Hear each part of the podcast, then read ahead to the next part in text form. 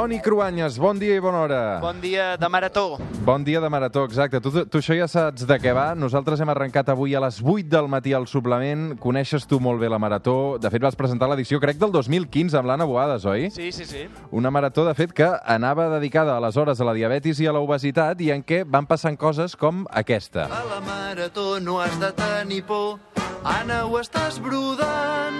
Ets decidida, tens embranzida, aquí sóc jo l'insignificant. Cantes realment molt bé, Toni Cruanyes, estimat Cruanyes, eh?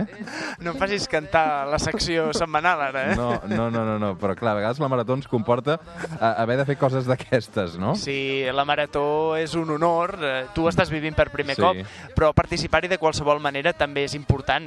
Fa molts anys, jo ja he fet de tot, eh? com a voluntari, Mm. com a presentador, com a corresponsal, he agafat telèfons molts anys a la sala habilitada a TV3 o a la Fira de Barcelona, envoltat de molts altres maratonians, alguns de famosos i d'altres anònims. També com a corresponsal a París vaig pujar a peu a la Torre Eiffel Què carregant una pancarta gegant amb els números el 905, 11, 50, 50. N'he fet unes quantes. També he cantat i ballat, ja ho sents. Em vaig disfressar, vaig participar al Gran Dictat per recaptar fons i fins i tot un any, el 2016, vaig escriure un conte pel llibre de la Marató. Carai, tu. Avui et proposem nosaltres un altre repte. Uh, els diumenges ens expliques històries vinculades a l'actualitat. Avui volem que ens facis una mica d'història dels 27 anys de la Marató.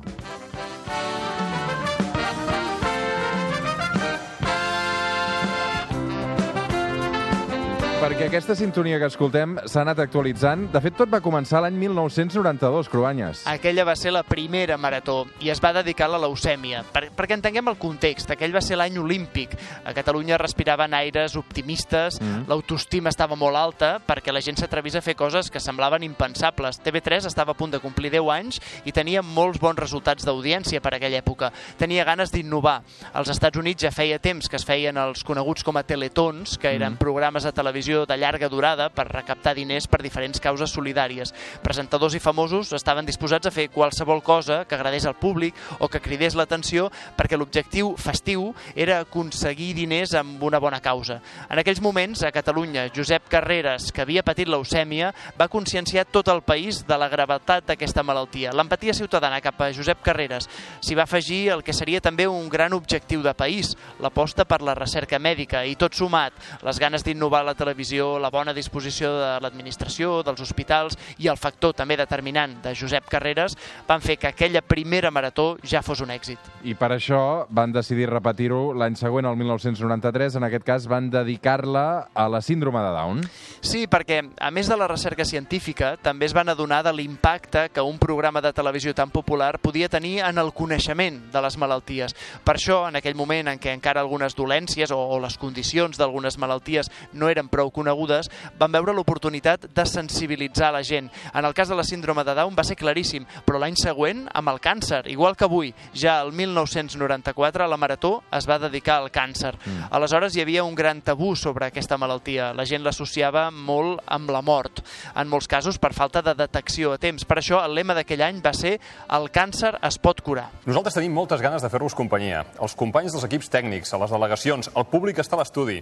Posin-se còmodes, perquè tenim una quantitat per superar. De moment és molt alta, però naturalment no és ni de bon tros la que nosaltres pretenem que sigui. Estem a 250 milions de pessetes llarguets. 250 milions 620.097 pessetes. Molta més, escolta. Aquí sentíem l'Antoni Bassas encara parlant de, de pessetes, eh? Això de l'any 1993, es fa estrany tot plegat, eh? Uh, La Marató, va fet, de fet, va ser de, des del primer moment tot un èxit de recaptació que, que hem anat superant any rere any. Crec que l'any passat ens hem quedat a les portes d'arribar als 10 milions. Uh, esperem que aquest any poder-ho superar. Sí, l'augment dels ingressos de la Marató van anar creixent. Cada any era més popular, perquè cada any també va haver-hi més empreses, institucions vinculades, que ja com una tradició han anat destinant una partida cada desembre per la Marató. També es van multiplicar les activitats al carrer. En els últims anys la recaptació ha estat bastant sostinguda, eh? ara ho deies, al voltant d'entre els 7 i els 10 milions d'euros per any, entre el moment de tancar el marcador, al final de la nit, i també els donatius que encara s'ingressen fins al mes de març de l'any següent. També hi ha anys en què la malaltia a la qual es dedica colpeix més l'opinió pública i, per tant, la gent s'hi aboca més directament. Així, el total d'euros que s'han recaptat en la història de la Marató és de 173 milions d'euros. I una de les fonts d'ingressos també importants és el disc de la Marató.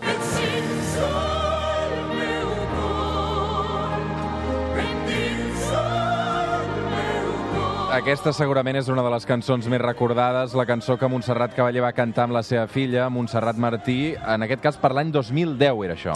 Sí, amb el pas dels anys i escoltant aquesta cançó encara és més clar. Revisitem la Marató. És clar, alguns dels que hi van participar ja no hi són. Aquest any ens ha deixat Montserrat Cavaller. Sentir-la ara és també evocar el seu record. O quan va morir el mestre Verdagí, que Sí. va crear-ne la sintonia també, que s'ha fet tan famosa. Sí, a tu, Toni, la Marató també et porta records de gent que ja no hi és, suposo.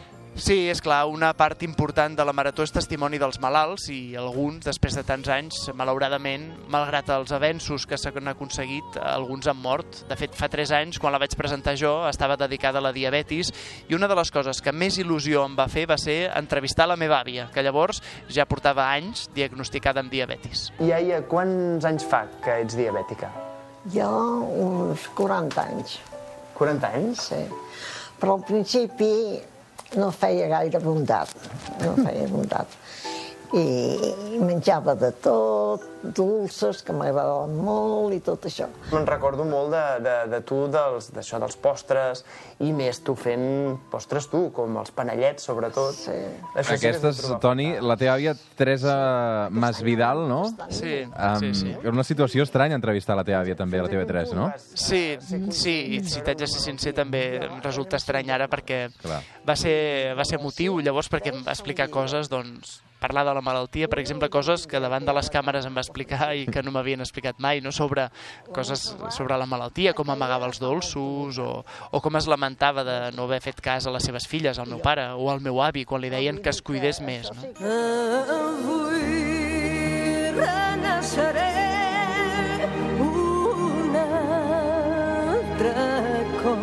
Aquesta és Mònica Naranjo cantant Avui vull agrair pel disc dels 25 anys de la Marató. Sí, la història col·lectiva de la Marató, clar, és, és una història de tots, de tots els que hi hem participat un any o un altre, però també tots tenim històries particulars sobre la Marató. Avui us he volgut explicar la meva. Fantàstic, Toni. Avui et veurem eh, en aquest vespre, no? Suposo, a TV3? Sí, sí, avui també m'han enganyat. No sé què faré amb l'Àngel Llàcer, amb l'Ivan Lavanda, el Manu Guix... eh, Veurem. Tot per la Marató, en qualsevol cas. Cantar, cantar, et volem veure cantar. Va, t'acomiadem amb aquesta peça. El nostre món vam créixer forts, ens admirava. Avui amb el Toni Cruanyes arribarem fins les 9 del matí amb una cançó del primer disc de la Marató, l'any 2005. Aquell any anava dedicada a l'Alzheimer i el Sergio Dalmai cantava aquest No et deixis. Toni, ens veiem aquesta tarda a TV3. Una abraçada. Molt bé, bona Marató.